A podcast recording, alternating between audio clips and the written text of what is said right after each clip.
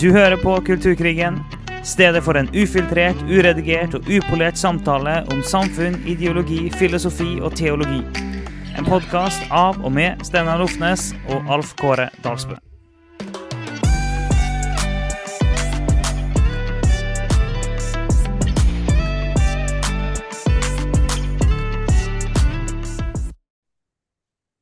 Velkommen til Kulturkrigen, podkasten for deg som vil ha en uredigert, ufiltrert og upolert samtale om teologi og samfunn. Og der glemte jeg resten av min egen setning i mitt forsøk på å få en litt bedre start her. til glede Dette var jo helt fantastisk, eh, Alf Kåre. Altså, du, du gikk rett på der, altså.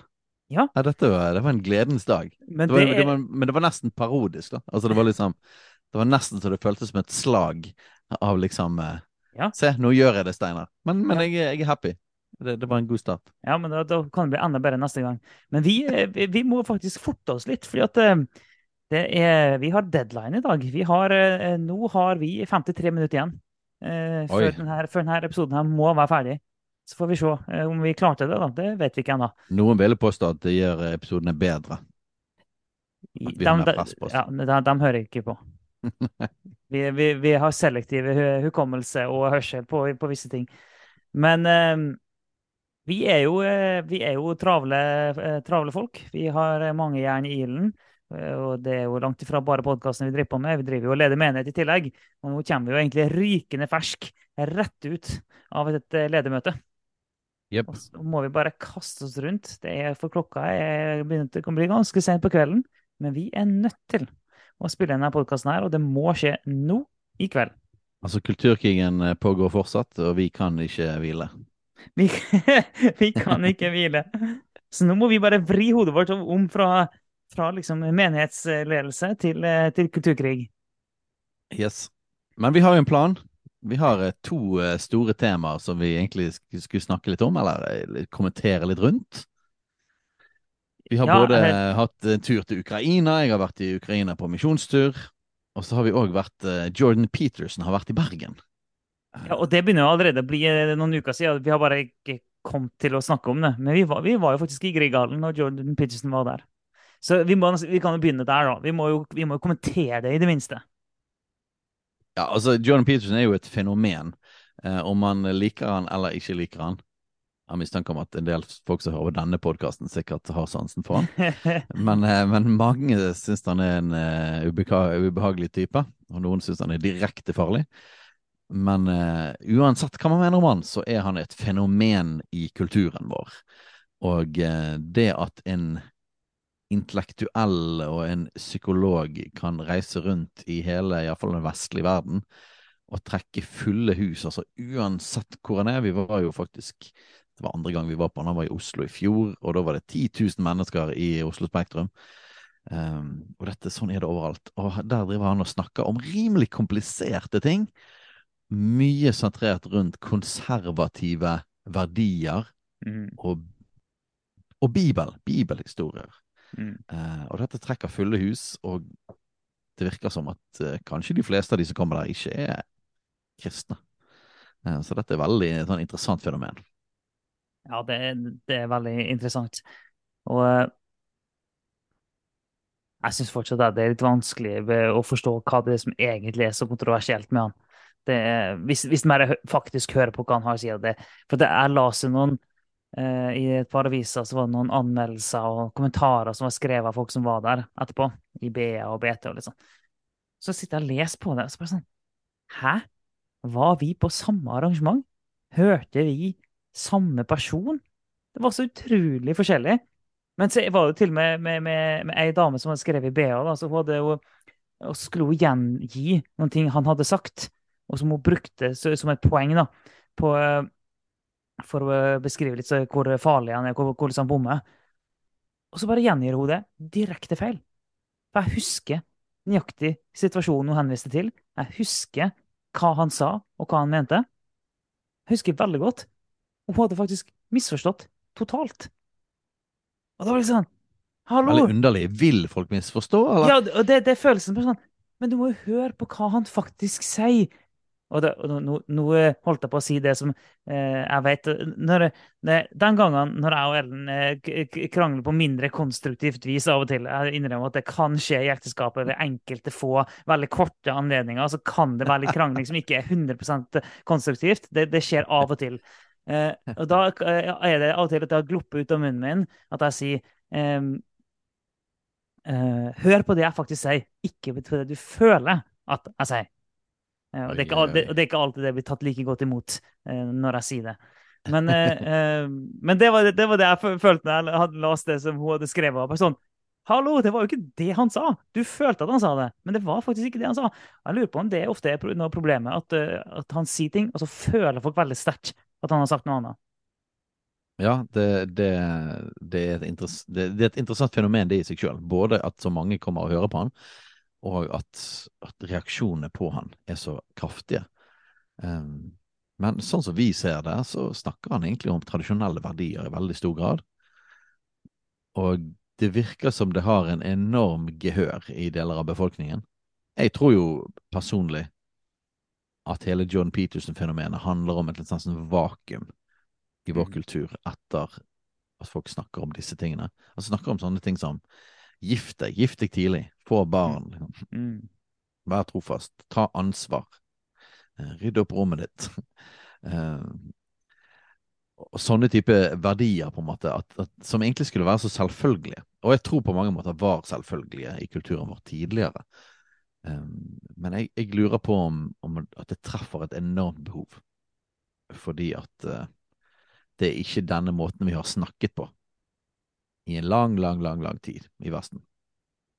Ja, og det at han snakker så tydelig om rammer Det finnes rammer du må Ikke bare som du må forholde deg til, men egentlig rammer du må gi deg til. Og det snakker han veldig fremodig om. Veldig tydelig om. Og det er jo, jeg vil jo si at det, er jo langt på vei en grunnleggende kristen virkelighetsforståelse. det, At det er ramma utenfor deg sjøl som du ikke bare må innfinne deg i, men du faktisk må, må gi deg over til. Eh, og så snakker han og altså, Du sier at det er et vakuum. Jeg tror definitivt det er et vakuum. Og vi har jo tidligere nevnt det òg, at jeg tror at det er en av grunnene til mye av eh, Hva skal vi kalle det? Pandemien nærmest av eh, psykisk uhelse.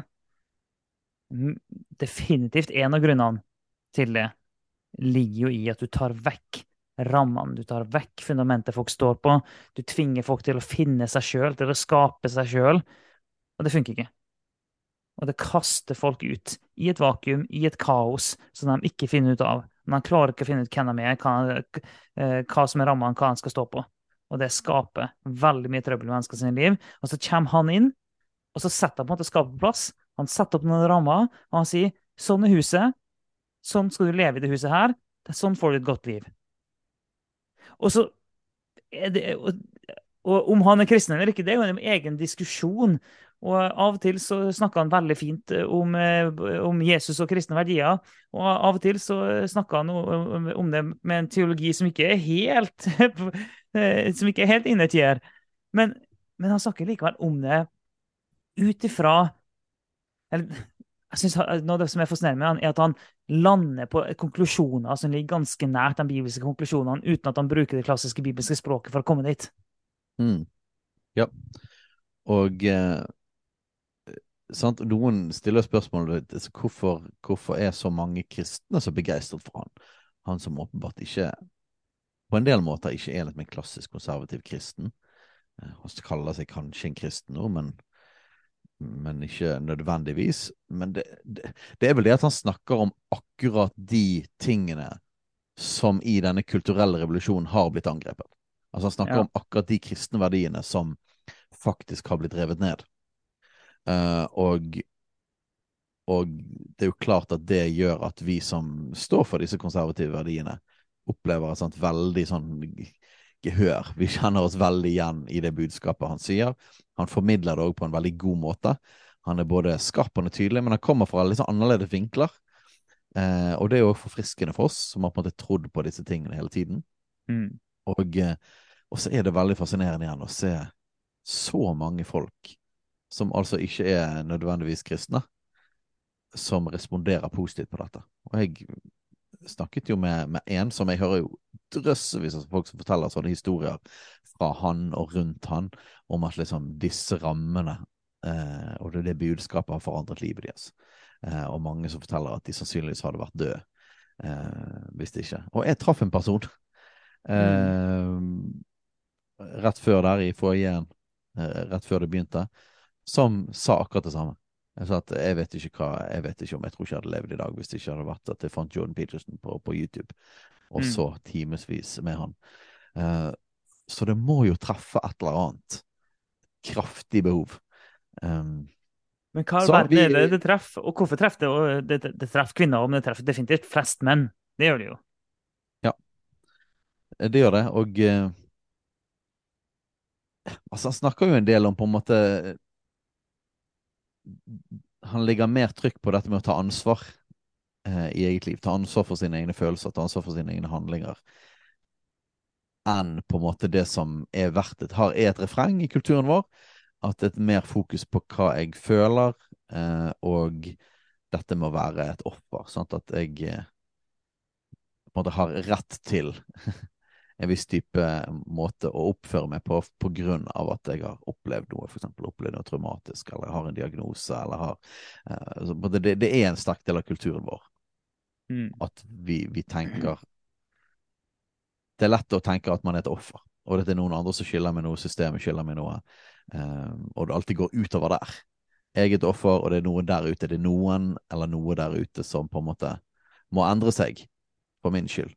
Uh, mens Jordan Petersons filosofi og mer klassisk konservativ. At nei, du må ta ansvar for ditt eget hjerte, og ondskapen er ikke hovedsakelig noe som kommer utenfra, men det er noe som vi alle må kjempe med. Mm. Eh, kampen mellom det onde og gode. Sant? Det går midt i vårt eget hjerte. Eh, så hele den approachen og ansvarliggjøringen og sånne ting er, er jo noe som treffer veldig godt inn i, i en kultur der eh, Ja, det er jo en offerkultur. Det er noen annen måte å si det på. Da. Eh, vi har fått en Det offerkultur. krasjer ganske tydelig med kulturen. Det gjør det jo. Og vi klarer ikke å legge skjul på altså, at vi er ganske begeistret for Jordan Peterson. Sånn er det bare. Mm. Eh, og jeg har ikke blitt mindre begeistret for han eh, gjennom årene etter at jeg har hørt på han. Jeg, eh, det betyr ikke at man er enig i hvert eneste ting han sier, Nei, nei. men, men som en, liksom en, en, en offentlig stemme eh, inn i kulturen, så setter jeg utrolig pris på, på det han har å komme med. Mm. Mm. Jeg er helt enig. Og, og han sier jo sjøl at hans hovedbudskap er jo egentlig eh, i hvordan du finner mening, mening i livet. At du finner mening i livet ved å ta på deg så mye ansvar som du kan klare å bære. Der finner du mest mening i livet. Ta på deg Han sier bare, jeg lurer på om han til og med har sagt at ta på deg så mye ansvar som du kan klare å bære, og så litt til. Der finner du mest mening i livet. Jeg tror sånn på det. Og det, det, Ja. det, det, han, eh, altså, det er iallfall ikke, bør ikke være kontroversielt. Jeg syns det er veldig godt sagt. Så nå holdt eh, selve foredraget Jeg synes det var utrolig bra. Han holdt på litt lenger enn han skulle, skulle holde på med. Det var òg på spørsmål og svar etterpå. Det var, jeg syns det var utrolig bra. Jeg synes det var, utrolig, det var mye bedre òg enn når vi var i Oslo. Ja, det var så kort. han hadde litt mer tid. Det var, da var det litt kort. Nå hadde han tydeligvis bedre tid, og han var veldig begeistret. Han har akkurat skrevet, nesten sluttført, virker det som, boken sin We Who Wrestle With God.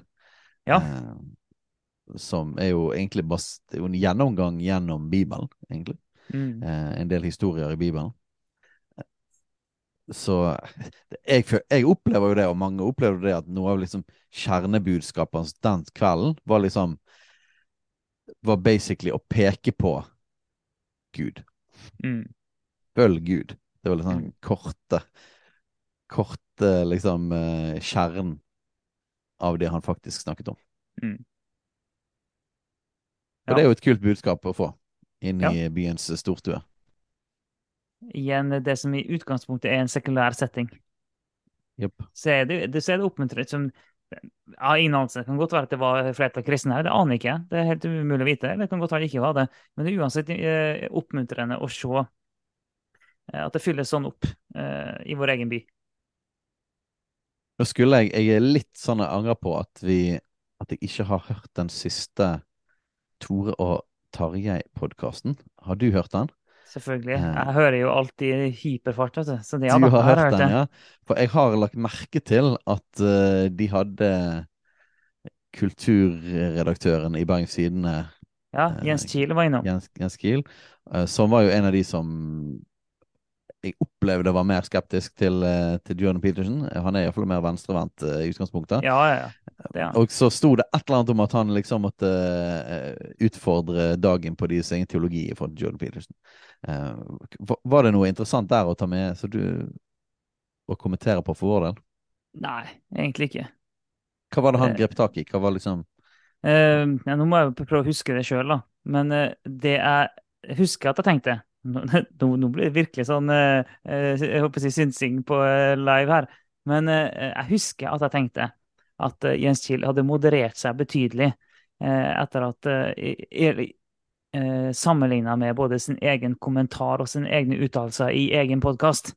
Så når han satt med dagen med Tore Tarjei, så var han betydelig mildere. Og det er, jo, det er jo sånn det er når du sitter face to face med mennesker, så blir du mer mild. Vi vet det. Men da var han, han var ikke i nærheten like kritisk der som hun hadde vært i andre fora, kan du si. Så eh, Ja. det, det var egentlig, hva, var hoved, hva var hovedkritikken hans, egentlig? da? Jeg klarer ikke å huske akkurat nå. Jeg lurer på om jeg så et eller annet inn i gresset som et eller annet individualisme, eller nei, jeg vet ikke. Jo, det, det er riktig. Det er riktig. Det, er riktig. Eh, han eh, Jens Kiel han reagerte på at han, oppfatta det som at, at det langt på vei var et veldig individualistisk budskap Jordan Peterson kom med. Eh, og han mente at det, det sto i kontrast til eh, det kristne fellesskapsbudskapet. da. Eh, og at, det, at han mente at kristne tenk, bør, bør iallfall tenke mer kollektivistisk. da. Det har jeg tenkt litt på. Jeg tenker at kristendommen er jo litt artig, egentlig, hvis vi først skal snakke om den kategorien. Kristendommen er på den ene sida veldig individualistisk. Samtidig så er den absolutt ikke det. For Ja. det, sånn, det, det finnes eh, kun personlig frelse. Det finnes ingen kollektiv frelse. Så i den forstand så så er definitivt... Og liksom individets rettigheter og verdi kommer jo i stor grad for kristen verdi, Ja, ja, ja. ja helt klart. Helt klart. Eh, men samtidig finnes det et kollektivt element i, i kristendommen. Ingen tvil om det. Både det som har med menighet å gjøre, og Guds menighet å gjøre. Jeg, jeg vil jo bare, jeg vil jo mer si han som sosialist vil jo selvfølgelig betone fellesskapsgreiene, og, og ja. jeg vil si at der må vi ligge midt imellom igjen. Eh, vi har en individualisme som en del av den kristne forståelsen, og vi har en, en kollektiv tankegang. Og vi ligger litt sånn midt imellom der. og Går John Peterson for langt kan du si, mot høyre og individualisme der? Det kan godt være. Um, det er ikke sikkert det treffer helt nøyaktig der vi vil si at det er god teologi, men jeg opplever han samtidig ikke Han, Ja, altså- han tror jo på de, de gamle Han tror jo på institusjonene, han Nettopp. tror jo på fellesskapet, han tror på familien. Så Og, og- det som er, det at for han tror såpass Han er såpass tydelig på institusjonene, på familien, de tingene der. Men, altså, og det at du trenger et fellesskap og samfunn å være en del av. Men ikke bare det. At du skal være en del av å bygge et godt samfunn. Du skal involvere deg, du skal ta ansvar, du skal bygge lokalmiljø osv. At det er eh, så, det, det er en helt eh, sentral del av budskapet hans. Så når han snakker om at du må skjerpe deg, her har du noen rammer sånn du kan få lov til å leve et godt liv, og der, akkurat den kommunikasjonen kan på en måte være litt individualistisk. Jeg kan forstå at det kan oppleves sånn, men du må, du må se helheten. da. På en måte Totalen av hva han faktisk snakker om. Totalen av det han snakker om, er at ved at du som individ reiser deg, så kan du være med å bygge et kollektiv. Det er det han sier. Han, sier han sier aldri at du som individ skal leve for deg sjøl. For det hadde vært individualistisk, men det sier han ikke. Nei, for jeg vil si at han er ikke en typ John Peterson er ikke, er ikke en klassisk liberalist. Eh, og eh, sant, Liberalismen har veldig sterkt fokus på individet, sånn individualismen. Eh, John Peterson er en mer klassisk konservativ. Og sant? Da har ikke vi gått gjennom liberalisme, konservatisme og sånn her i, i Kulturkrigen. Men Det folk står på lista vår, da. ja, folk får bare henge, henge på. Men konservatismen er mer kollektivtenkende enn liberalismen. Eh, for, for konservatismen tror på samfunnet. Eh, tror på nasjonen. Eh, tror på institusjonene og tror på familien og storfamilien. Eh, og respekterer veldig òg lokale fellesskap, menighetsfellesskap, men òg fellesskap i landsbygden, i eh, idrettslaget og sånne type ting. Så konservatismen er mer kollektivtenkende, og, og, jeg vil si at John Peterson er mer på linje med det. Men der er liksom en superindividualistisk liberalisme. Eh, skjønner jeg jo at et poeng at står mer i motsetning til kristen tro. Um, men, men, som sosialist, uh, som Kiel er uh, Han var jo journalist i Klassekampen før, ja. og sånne ting, og jeg tror at han stemmer Han er vel i SV. SV. Eh, så, så, tenker jo, tenker jo sosialdemokratene eller sosialistene og mer kollektivt. Um, men på en litt annen måte enn en det klassisk konservative. da. Ja, og eh, der så han jo fare for at individet blir ikke nødvendigvis viska ut, men individet miste, kan miste verdi, da. At du drar det kollektivt så langt at individet mister verdi. Mens uh, i en kristen forståelse så står individet så sterkt at det aldri kan miste sin verdi, for det er hvert enkelt menneske høyt elska av Gud. Så det, så det står veldig, veldig sterkt. Men som kristne kan vi aldri bare tenke på oss sjøl. Da, da, altså, da, synder vi. Så begge deler er på en måte dratt ut i hver sin ekstreme form, på en måte, kan du si. Men det er jo mm. der sannheten virkelig ligger. da. Det med at, at, Du har to sannheter, men det blir bare sannheten ved at begge de to sannhetene får lov til å leve fullt ut. Ja. Og sosialismen ønsker jo et tenker kollektivt i samfunnet på den måten at det er staten og det er folket. Det er hele folket. Det er staten, og man kan gjerne tenke også i klasser, så det finnes et fellesskap i ja. klassene, da. Eh, og da fellesskap i hovedsakelig da arbeiderklassen. Eller undertrykte minoriteter. Man tenker kollektivt der. Mens konservatismen tenker altså mer kollektiv i institusjoner. Eh, mm. Som eh, skole og utdanning og, og, og kirke og familie, med lensmann og prest. det, det, er litt sånn gammeldags. Det ligger jo nærmere det Bibelen snakker om, når, mm. snakker om, eh, når, når Bibelen snakker om samfunn. Um, og sosialismen nedtoner familien, altså kjernefamilien, og måtte, storsamfunnet toner de opp. Mens, mens, en bibelsk måte å tenke på er jo å fokusere sterkt på kjernefamilien og storfamilien eh, mor, far og barn og sånne ting. Så jeg, jeg det, det, er en del fra venstresiden som, som kan ofte komme med dette her med, med, med, kjærligheten til de fattige og fellesskapet og storsamfunnet, og på en måte prøve å lokke de kristne mer over på venstresiden av at liksom, jo, med kristendommen tenker også fellesskap. Mm. Men jeg merker at jeg går ikke helt på den, også, for det at liksom, måten man tenker fellesskap på sosialistisk side, er, er annerledes enn det Bibelen snakker. Eh, vi, vi, ligger mye nærmere konservatisme eh, når, når vi snakker fellesskap. Når, når, noen snakker om at Jesus var den første sosialist, for eksempel, så er det sånn Nei. Nei, det, det, det går ikke. Beklager. Så ok, vi skal ikke gå for dypt. Nå kom vi plutselig inn i en uh, inn i samtale om det. Men det var fint å gi en liten kommentar inn der. Dagen var jo òg og eh, tok bilde av oss eh, og ja. fikk en liten kommentar for oss i forhold til Jordan Peterson. Og vi markerte oss jo som ytterst positive til Peterson. Så sånn er det. ja da. Det, det liker vi. så hvis det skjer et eller annet, så er vi der. Eh, sånn er det bare. Så om det er vekkelse i Asbury, eller om det er John Pinterson i Bergen, eller om det er Trana, så skal vi være der. Eller om det er, om det, om det er krig i Ukraina, og der, så drar vi dit òg. Yes, vi liker å være der det skjer. Altså, det var jo en fin bro. Jeg var på misjonstur i Ukraina. Ja, for vi har jo bare nevnt at du skulle dra dit, men vi har jo ikke sagt et ord etter du kom tilbake. Om vi bare ser på klokken her. Vi, ja, ja, vi har litt tid. Nå, nå har vi en halvtime.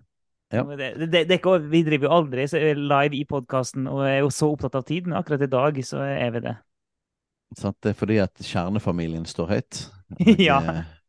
vi opererer våre egne koner og i morgendagen. Det er vi, vi, kan vel si det sånn at vi Vi har vel ikke veldig god track record på å si Eh, ja, jeg kommer hjem da og da. Eh, og så kommer vi hjem eh, da. Når ja. det, vi, har vel, vi kan vel innrømme at vi har en track record med at ting drar litt ut. Ja, og det er spesielt ja. hvis jeg og du holder på med Ja. så Så Ellen hun har, det har kommet dit at jeg merker at hun ikke helt stoler på meg. Det, det er ikke så bra. Ja.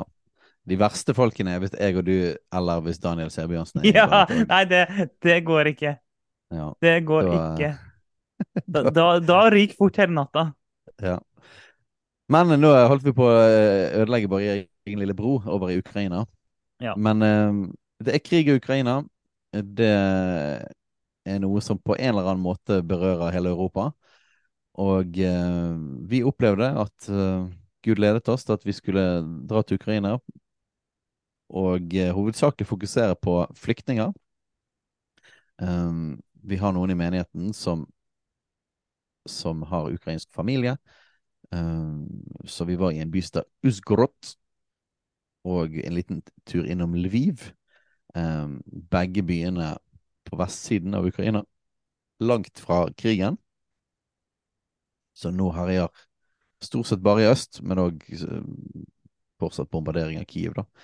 Men Så dette var jo et veldig trygt sted i forhold til bombe. Vi hørte, hørte bombealarmen to ganger faktisk siste dagen, så det gjorde jo at du tenkte òg, for at Russland sendte en del raketter akkurat de dagene der. Eh, Det var rundt eh, 9. mai-feiringen.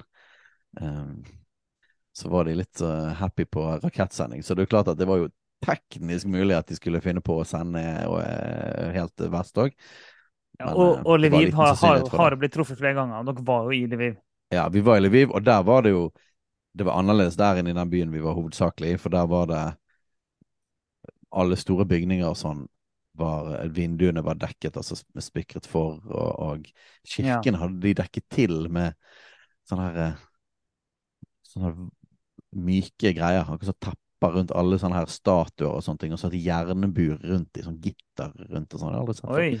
Um, og det var mye sandsekker og mye sånn som det. Så Lviv var, var på en måte var mye preget, enda mer preget, da. Um, og de hadde jo hatt en del rakettangrep. Uansett, det var, ikke, det var ikke et veldig farlig sted. Um, men du ser selvfølgelig masse soldater, og du er jo første gang jeg har vært i et land som faktisk er i krig. Um, og alle kjenner jo noen som enten er familie eller venner som er i fronten og er i krigen. Uh, selv om du er helt avverst. Så sånn sett er alle berørt av det på en eller annen måte. Men den aller største konsekvensen i Vest-Ukraina er den enorme mengden flyktninger. Og vi var i en by som på ett år hadde gått fra 120 000 innbyggere til 250 000 innbyggere.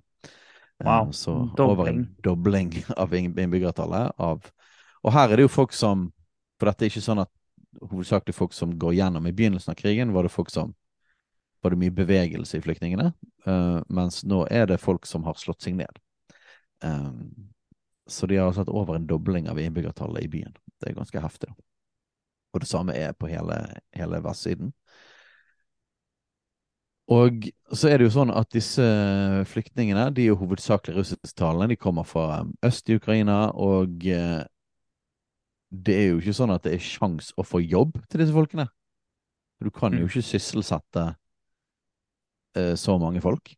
Nei, nei, nei. Um, og eh, det er jo no way at man klarer Altså, man har jo ikke et velferdssystem som hadde klart å ta, ta seg av så mange. Uh, det hadde vi ikke engang klart i Norge. Nei, altså- det hadde ikke det. Uh, hvis, hvis Bergen hadde plutselig Det hadde kommet 300 000 flere innbyggere på ett år, så hadde man ikke klart å finne bolig, jobb eller Altså, vel, norske velferdssystemer hadde jo brutt sammen med en, med en så stor mengde av din egen befolkning som plutselig ikke kan jobbe. Eh, så, så dette er jo egentlig uhåndterlig. Sant? Og Ukrainas økonomi er jo Nå lever de jo Altså, de lever på lån. eh, og er i krise Sant? Alle disse pengene som blir gitt til Ukraina, det er noe som blir gitt, men det aller meste er jo lån eh, i forhold til våpen og alt sånt som det. Så hvem vet? altså Ukraina kommer jo til å være i gjeld resten av historien. Eh, uansett hvordan man vrir og vender på det. Det vil nok være stor, stor motivasjon til å hjelpe landet opp igjen og sånn òg. om de kommer seg gjennom denne krigen.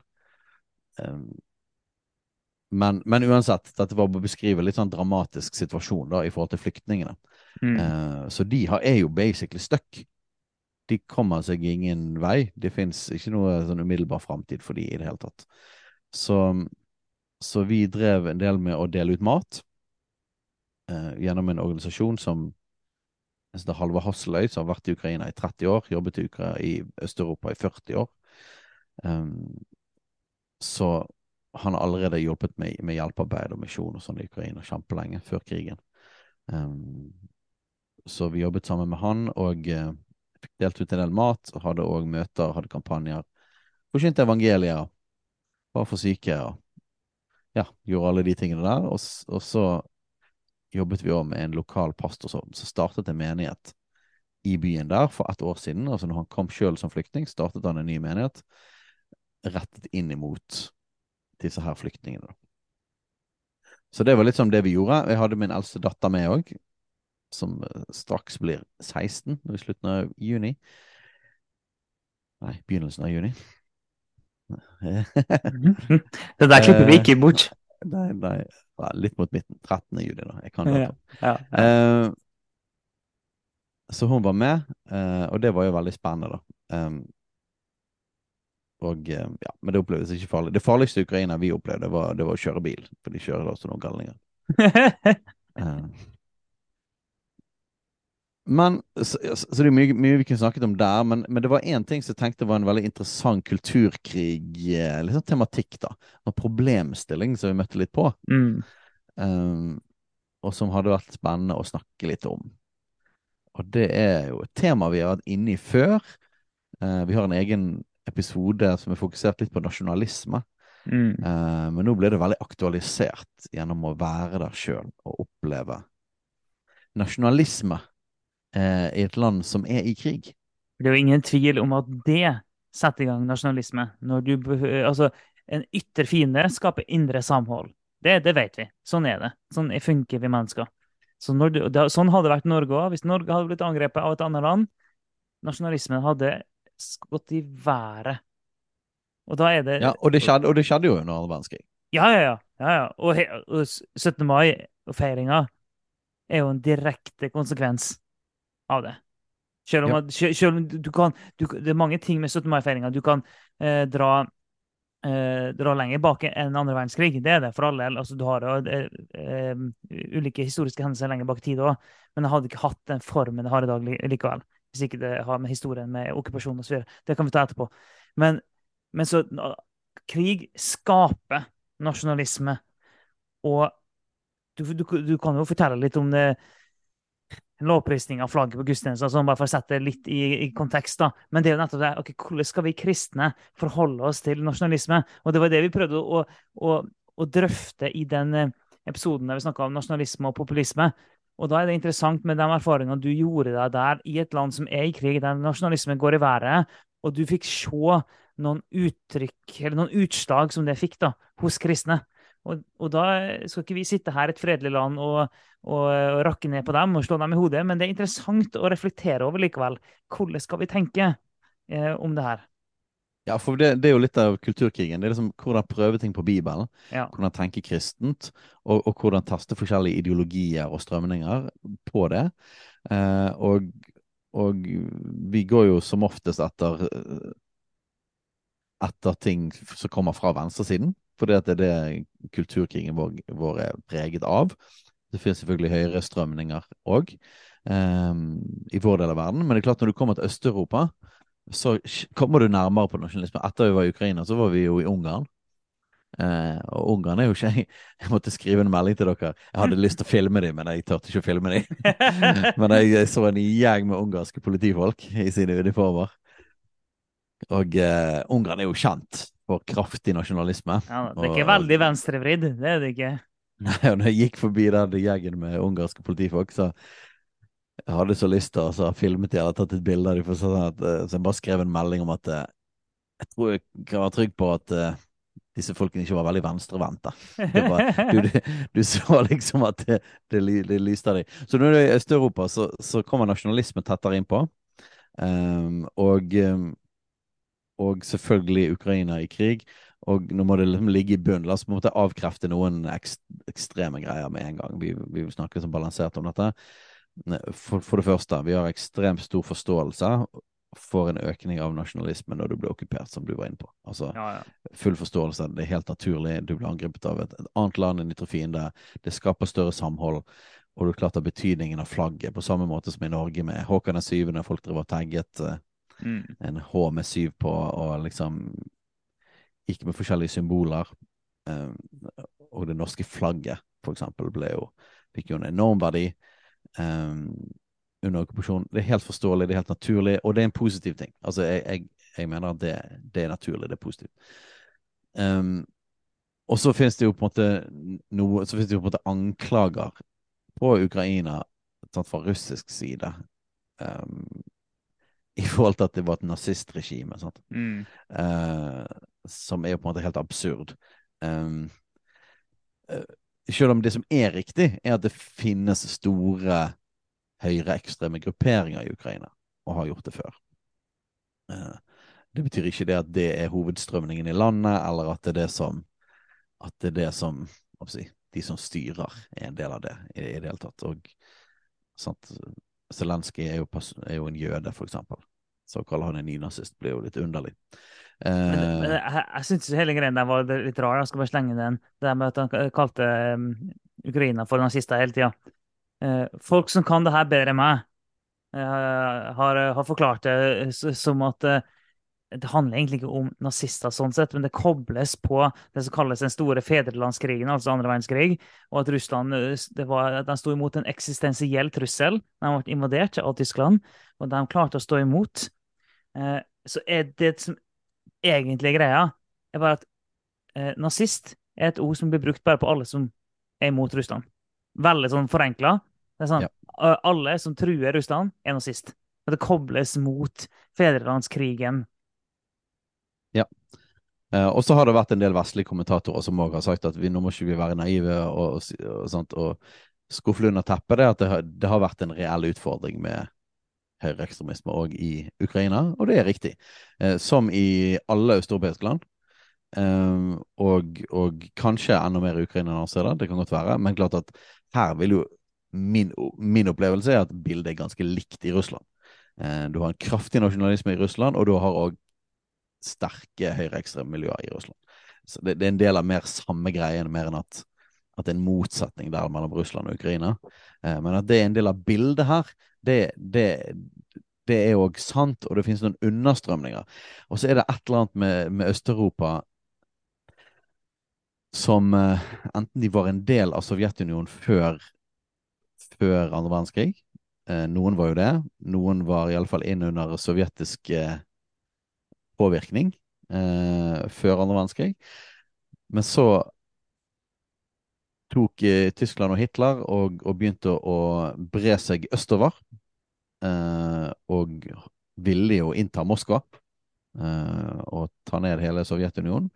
Lykkes ikke med det, men eh, de kom langt. Eh, og så ble de slått tilbake igjen. Og når Den røde armé, altså Sovjetunionen, begynte å slå tilbake tyskerne, Um, så var det sånn at eh, de sluttet De stoppet ikke før de kom til Berlin. Så hele Altså fra Berlin og østover så hadde Sovjetunionen kontroll mm. eh, over hele det området. Og da var det to alternativer. Enten så ble området en del av Sovjetunionen, eller så ble de land der det ble tvangsinnført kommunisme, og de ble marionettstater under Sovjetunionen. Ja. Eh, og som betyr det at disse stedene som fikk oppleve andre verdenskrig, og fikk oppleve òg tysk okkupasjon og nazismen, de fikk liksom aldri en pause etter nazismen. Mm. Eh, til å begynne å deale med det, både ideologien og sårene og de forferdelige tingene som skjedde under det. For, det, for det, det, gikk jo bare sømløst over fra nazismen til, til kommunisme. Eh, og så lå de under det. Eh, som gjør at de fikk ikke deale med, med høyreekstrem ideologi på samme måten. Um, og jeg tror at det er en stor del av grunnen til at, til at fortsatt Øst-Europa sliter mye mer med, med de tingene. da. Um, men jeg nevner dette òg fordi at uh, når vi snakker om nasjonalisme og Ukraina, så, så, mener vi ikke det at alle er nazister der. Uh, men det, vi må òg sette ord på at det finnes høyreekstreme strømninger òg i det landet. Som klart at som jeg fikk smake bitte litt på um, når jeg var nede på en restaurant som på en måte var den både ekleste og kuleste restauranten jeg noen gang har sett. Tenk det. Um, men du gikk eh, inn i et litt sånn smug, eh, smau, som vi kaller det i Bergen, eh, inn sånn, og så kom du til en dør, måtte du banke på, og da skulle det være akkurat som det var sånn her eh, motstandsbevegelsen under krigen, type hemmelig sted, da. Og da måtte du Mm. komme inn der og måtte liksom si passord og sånn som det da. Det foregikk på Ukraina, så fikk ikke alt med meg. Men der sto det jo da en eh, fullt uniformert eh, person, liksom typ, typ andre verdenskrig, eh, motstandsbevegelse, eh, uniform, eh, med maskinpistol, fullt bevæpnet, eh, hele pakken. Og da fikk jeg inn, og da var det sånn OK, kom inn, dere kan komme inn her. For det døren igjen. Og da var det akkurat som en sånn skyttergraver, og det var Det var laget og, det, var det var helt ekte, da. Det ble gravd seg ned i, ned i bakken der. Oi, oi. Gikk du inn forskjellige ting og gjennom der, og der var det Og da var det, det var folk i gassmasker, og det hang våpen på, på veggene, og det var liksom Og så kom du ned i noe som da var en, en, en restaurant, og alt var militærtema, da. Og det var liksom ukrainske flagg overalt, og det var ukrainske militærsymboler overalt, og det var sånn her eh, Og når du begynte å se på tingene, så var det sånn OK, uh, her var det nok litt symboler òg som gikk mer over den høyreekstreme eh, varianten. Men det var sånn massevis av det. Alle som ansatte der, gikk i militære uniformer, hadde våpen på. De liksom kom med mitraljøse hyls, og når de fikk regningen, så kom det en svær de fikk regningen og mitraljøse hyls oppå. Eh, nede i, i bordet så var det glassplater, og der lå det håndgranater og hylser. Altså Det var liksom bare Det var som å være i en skyttergrav. Det var utrolig sånn hele greien. Eh, og så når du skal gå ut igjen, så kom de gjennom en sånn her gift shop og sånne ting. Der kunne du kjøpe sånne, ko, sånne myke kosetankser, og du kunne kjøpe tre håndgranater og massevis av ukrainske symboler og masse anti-Putin-greier. og Ja, ja. i det hele tatt. Det var en kort, kort beskrivelse av en, eh, av en sånn heftig. Når jeg var der nede, så merket jeg at liksom Det var liksom da det var da det bikket for meg. Da kjente jeg Altså, jeg syns jo militærgreier er kult. Men det var et eller annet med nærheten til krigen, et eller annet med seriøsiteten ja. et eller annet med at det satt en del soldater der som faktisk tydeligvis var på perm og sånne ting, med sine uniformer. Men Det var et eller annet med symbolikken. Så var på en måte den militariseringen Mm. ble på en måte så på alvor. Hadde du hatt akkurat det samme i Norge, så hadde det vært en annen feeling. Ja. For det, var ikke, det er ikke den nærheten til det. Um, men det var et eller annet med at liksom fortiden og nåtiden krysset sammen på en måte som gjorde at du kunne kjenne et ubehag, da. Mm. Eh, og opplevelsen av at nedi her så er det nok god, god grobunn for, eh, for høyreekstreme greier òg. Eh, og du vet at det fins. Og litt den her liksom aksepten inn i et miljø av sterk nasjonalisme i hele landet. På en måte Aksepten òg for de strømningene kunne du liksom ta og føle litt på. da. At, Mm. at, at dette er ikke perioden der folk tar et oppgjør med høyreekstremisme. Mm. Fordi at alle går i samme Og du sa han, vår, vår tolk og sjåfør og sånne ting, god kristen ukrainer, altså hans, hans eh, overbegeistring for det, det var jo bare til å ta og føle på. Så, så det var liksom, du fikk kjenne litt på problemstillingen av liksom Hvordan tenker de kristne her nå i Mm. forhold til og Hvordan balanserer de sin, sitt forhold til det med nasjonalisme? Men du hadde, hadde ikke du en opplevelse med, med noen flagg på gudstjenesten og sånn òg? Jo da, jeg kan fortelle noen flere ting da. Så, så når jeg er i Ukraina, så er det ukrainske flagg overalt. Over, absolutt overalt. Eh, helt naturlig, nok en gang. Jeg skjønner det at folk flagger. Men så, så du hele tiden er du pepret av ukrainske flagg overalt der du er. Eh, og så kommer du inn i, i, i menigheten på et møte i Lviv. Og så kommer du inn der, og da det første som møter deg, er på hver skjerm der, så vaier det ukrainske flagget. Det er sånn, ja, ja, naturlig, det er jo krig. Så begynner møtet. Det første som skjer, er at det er ett minutts stillhet for de døde. Um, og så er det bønn inn, inn mot krigen og sånne ting. Jeg regner med de ber om gode ting. Eh, men det er klart at eh, Men det vet du ikke. På ukrainsk, det, men, men de ba forhold til krigen. Det er naturlig. Jeg regner med det òg. De ba om beskyttelse, og de ba om sånn og sånn. sånn. Ja, men det- det, vil ikke ja. forundre meg at de ba, ba om død, død, over russiske soldater. Liksom. Det var, stemningen var ikke det sånn Det hadde ikke overrasket meg. Eh, og så Ja. står det et kor framme, eh, som et sånn lovsangskor. Eh, og i det koret så er det sånn at alle på toppen har eh, har eh, blå T-skjorter. Eh, og alle på bunnen har gule T-skjorter. Så koret var et ukrainsk det flagg. ukrainske flagget? Ja, og så begynner lovsangen Wow. etter det har vært ett minutt stillhet og bønn, så begynner den første sangen, og det er en bønnesang for Ukraina. Og da vaier, det ukrainske flagget mens vi synger den. Eh, så det er den første lovsangen. Og da har du brukt ganske mye av den første tiden eh, på det. Og nok en gang, det var faktisk det var sterkt. Jeg må bare sånn Oi, selvfølgelig er det naturlig når menigheter kommer sammen i Ukraina, at, at, at, at dette er en sterk del av virkeligheten. At de ber, de alle kjenner folk som er i krigen, de ber for landet sitt. Helt naturlig, helt forståelig. Bruken av flagget, eh, forståelig. Men der òg kom det til sånn punkt der det bare sånn her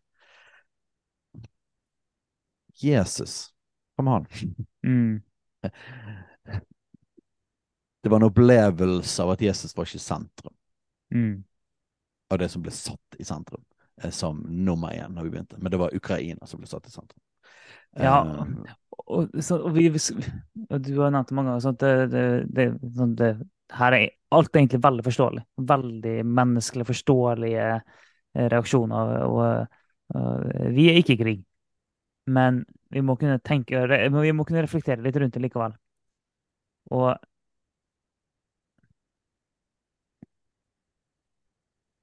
altså, Vi vet jo ikke hvordan vi hadde takla det sjøl, vi vet jo ikke det, men det er jo sånn når det jeg, jeg prøver bare å finne en parallell da, til,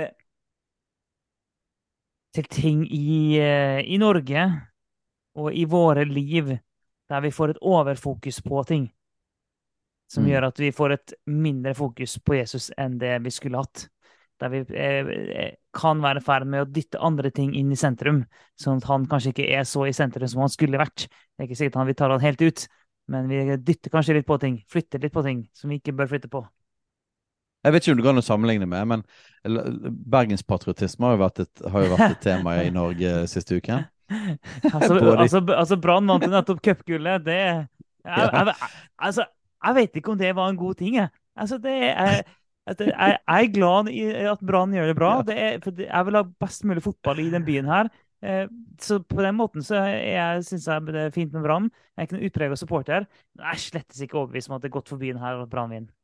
Altså, sant? Det er jo på en måte Det er jo noe som ligger og ulmer og er der hele tiden, men så kommer det opp kraftig i sånne anledninger. Og det handler jo veldig mye mindre om fotball enn det handler om, om Ja. Som er veldig sammenlignbart med nasjonalisme. Ja, ja. Eh, og, og uten å gå for dypt inn i bergenspatriotismen, så, så er det akkurat som at Litt sånn uten sammenligning for øvrig, så hadde det vært sånn at om vi hadde Jo, det var Jeg tror Fredrik nevnte et eller annet. Ja, bare Brann vant cupfinalen. Juhu. Og sånn. Eh, Men det er klart vi kommer ganske kjapt inn på fokus på Jesus når vi starter vårt møte.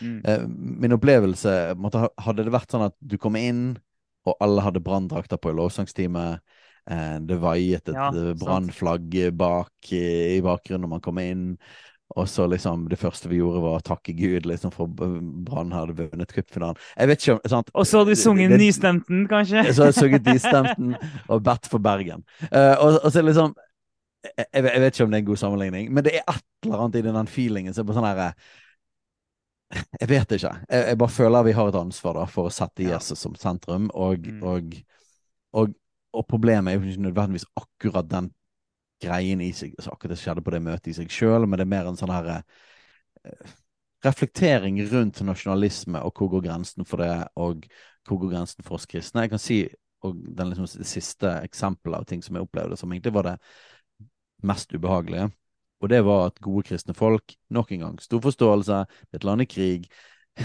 folk kunne ha veldig stort press, men det var vestukrainere som gjentatte ganger snakket om de østukrainske flyktningene eh, på en måte som jeg vil si nærmet seg rasistisk. Mm. Eh, og en måte man snakket om russere som, nok en gang, forståelig. Men vi har ansvar for det i et hjerte som kristne, og hvordan vi snakker, til og med under krig. Ja, Eh, og en person sa, når det ble påpekt en del utfordringer rundt en del flyktninger, både inn i Polen og inn i Norge, eh, og det var Halvard som har, har jo jobbet i Ukraina, så, så glad i det ukrainske folket, han også påpekte og sa det at det har, han hadde veldig hjerte for de som var flyktninger i landet, fordi at veldig mange av de som flyttet ut, var de rikeste. Eh, og, og, når det kom på en måte det han vet er rikere ukrainere som kom på en måte med en, med en dårlig holdning til Norge, så, så, ble han provosert av det. Han sa, han sa, en sånn ting, uten å gå for dypt inn i den greien der. Men altså, dette er en mann som kjenner det ukrainske folket og landet. Eh, det da blir kommentert tilbake, er at alle sånne negative ting, det må ha vært russerne, det må ha vært russisktalende ukrainere. For de er sånn som det. Mens vi vestrukrainere, vi er ikke på den måten. Og så snakket de på en måte, da om øst-ukrainere og russisktalende som på en måte at alt negativt kom derfra. De var sånn. Basically for den store djevel er Russland og Putin.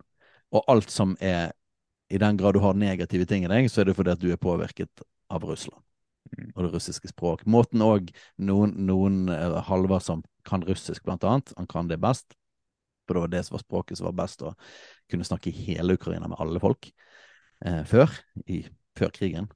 Nå opplevde han at det var, var, betraktelig vanskeligere å kommunisere med folk, for folk ville ikke snakke russisk med ham.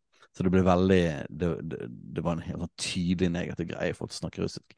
Eh, som igjen putter på en måte de østukrainske flyktningene i vest i en vanskelig situasjon. Eh, de blir lett en underklasse.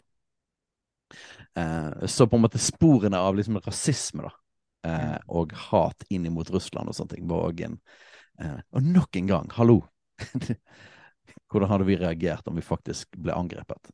Eh, folk har barna sine i krigen, liksom. sånne ting. Så vi hadde vært sinte. Sånn ja, det er, ikke, det, er ikke det er, ikke, en, sånn her Og, og en, en, sammenligning Jeg husker min bestefar, en god kristen mann, eh, som kunne bli skikkelig sint når han så tyske bobiler. På grunn av hans minner fra wow. verdenskrig. Ja. Eh, og han likte ikke når folk snakket tysk. Eh, så det var noe av spor av noe av de samme type tingene. da. Men vet, jeg tar alt dette opp, ikke fordi at jeg, jeg har stor forståelse for det ukrainske folk. Jeg tar det opp som en, som en problemstilling fordi vi snakker om ideologi. Mm. Og det mm. problemet med, med, nasjonalisme er at det kan bli så mye oss at det blir anti de andre. Og da har ja. man gått over en grense. Da. Ja, ja. Og jeg, jeg syns det, det, er nyttig å trekke paralleller inn mot uh, hva, hva, andre ting er det vi uh, setter sånn i, i, sentrum. At det faktisk dytter Jesus ut av sentrum. Om det blir uh, brann, eller om det blir noe annet. Eller om det kanskje bare blir oss sjøl. Det har vi snakka mye i denne podkasten her nå. Men bare eh, individet, humanismen, eh, våre egne følelser. Om det skal få så stort fokus. Og, så, og, og, og det får du ikke eh, det, nødvendigvis det, det uttrykket i menigheten at eh, bare gjør som du vil. Men det som et uttrykk det kan få, er jo f.eks. at uh, forkynnelsen handler i all hovedsak om hvordan, uh, hvordan skal du få et bedre liv. Det, der er det en del som har falt uti en greie. At nei, Forkynnelsen handler i all hovedsak om hvordan skal du få et bedre liv. Det, hvordan skal den som hører på, få et bedre liv? Og da i en, en, en overfladisk forstand hvordan skal livet bli enklere og bedre? Og det er ikke alt det som er feil. Det er det ikke. Men det er, en kan bikke over i det nå. Så det, det, det, synes jeg er interessant. Vi har ikke tid til å gå noe, særlig mer inn i det nå. Jeg syns det, det, er interessant. Det åpner mange dører. Vi har tatt opp på problemstillingene, og, og, jeg tror kjernen er det som du sier der. Vi, vi, har et ansvar for å ha Jesus som sentrum. Gud er stor og tålmodig med oss òg i vanskelige situasjoner. Så dette er ikke noen sånn offentlig anklage av ukrainere eller noe som helst. Det. Men det, det er en problemstilling som vi mennesker kan havne opp i, og, og eh, vi trenger å havne rett på veien. Da. Vi trenger å havne på et sunt sted. Og det er aldri akseptabelt å hate et annet folk, folkeslag. Eh, og det er aldri akseptabelt å tilregne ondskap kun til en etnisitet eller en kultur eller et folkeslag eller et land. Ondskapen er noe vi kjemper med hver enkelt. Det kan finnes på alle sider. Og det tar oss bare tilbake til det som vi igjen igjen sier. Det handler om synden. Yep. Det, er, det, er, det som er problemet. Og vær forsiktig så at vi ikke tilber vårt eget flagg og vårt eget land. Ja. Eh, en, god, en, en porsjon nasjonalisme og kjærlighet til sitt land og sitt folk og sin kultur er positivt. Og det er samlende, eh, og det er en god ting. Ja, og vi, eh, jeg tenker på Nå har det nettopp vært 17. mai. 17. mai i Norge er i all hovedsak vil jeg påstå. En positiv ting. Mm. Det kan være ting å dis dis diskutere der òg, helt sikkert. Men det oppleves som samlende, som positivt for eh, Norge, for lokalsamfunnet, for eh, alle som går på skolen som, eh, som vi er en del av, osv. Sånn. Det oppleves positivt. Du gjør at du føler at du er en del av ting på en god måte. Det, det finnes eh, gode aspekter ved en form for nasjonalisme, om du vil kalle det det. Jepp. Så ja. vårt mantra er vi trenger å havne et sted i midten. Og vi trenger å bli balansert i, gjennom Guds ord. Og ikke la oss ta til fange av strømninger, enten det er fra høyresiden eller venstresiden. Ja. vær forsiktig med sånne ideologier. Bibelen er verken høyrevridd eller venstrevridd. Guds rike det funker liksom i alle situasjoner, alle kulturer. Mm. Eh, alle tider i historien, i alle mennesker. Og, og, det er noe av det fantastiske med Guds rike. Det at det har det evige verdier. da. Ja. Som, som, hvert eneste sted så kan vi og det, og det, vil være forskjellige områder i tider og i kultur der, der Guds rike ble angrepet. Um, men, men, vi står for det samme. Uh, og det er Jesus som er herre. Han er kongen over det riket. Vi kommer ikke først og fremst fra denne verden, vi kommer fra en annen verden. Yes. Det får bli siste ord. Det var det vi rakk i dag. Ha det godt. Ha det bra. Takk for at du lytter på Kulturkrigen. Om du har tilbakemeldinger, spørsmål, hva som helst egentlig, send inn til post alfakrøllkulturkrigen.no eller på sosiale medier.